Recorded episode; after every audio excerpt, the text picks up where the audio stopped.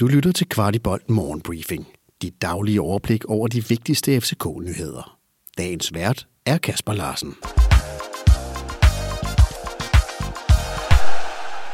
13 dage til vinduet lukker betyder, at vi i dag har onsdag den 18. januar. Og en af vores gamle helte, nemlig Ludvig Augustinsson, ser ud til at skulle finde en ny klub i dette vindue.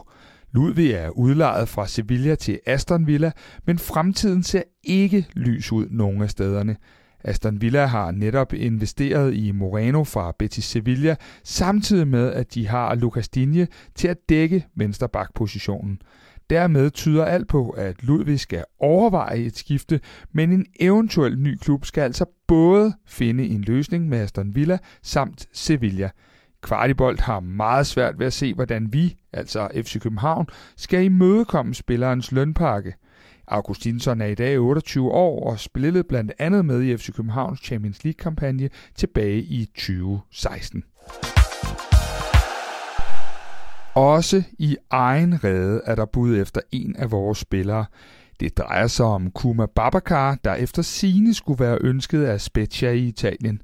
Babacar har enten trænet for sig selv, eller ikke deltaget med de andre, når Kvartibolt har overværet træningerne. Det er en uholdbar situation for spilleren og ikke mindst for klubben, og begge parter vil have bedst af at finde en løsning. Babacar har aldrig været helt tæt på kontinuerlig spilletid i København, og udover tre mål, hvoraf det ene godt nok var et afgørende et af slagsen i Herning, er der ikke mange højdepunkter fra hans 17 kampe i den hvide trøje. Her på redaktionen er vi dog noget usikre på, hvor højt Babacar er på Spezias ønskeseddel. Vores U19-drenge spillede første træningskamp mod HIK, og kampen endte 1-1. Drengene har første turneringskamp allerede den 18. februar, hvor de skal en tur til Haderslev og møde Sønderjyske. Første hjemmekamp på 10'eren er den 25. februar, hvor OB kommer på besøg.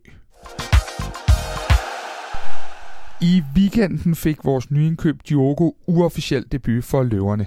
Han spillede 45 minutter på kanten, men det kunne let være gået anderledes, for Diogo havde mange tilbud ud over FC København.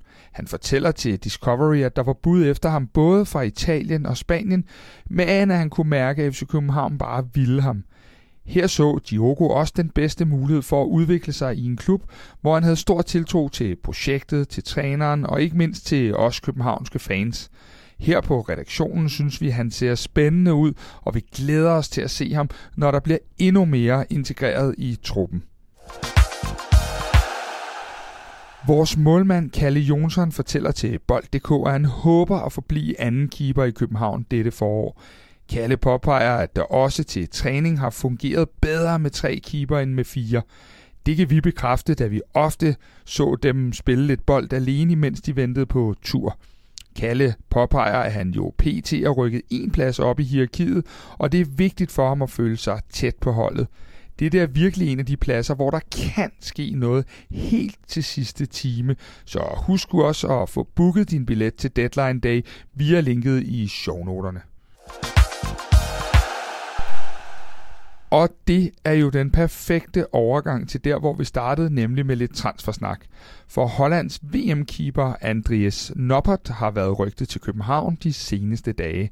Keeperen, der stod alle kampe under VM, har kontrakt i Herrenveen, men skal angiveligt ses om efter en ny klub i dette vindue.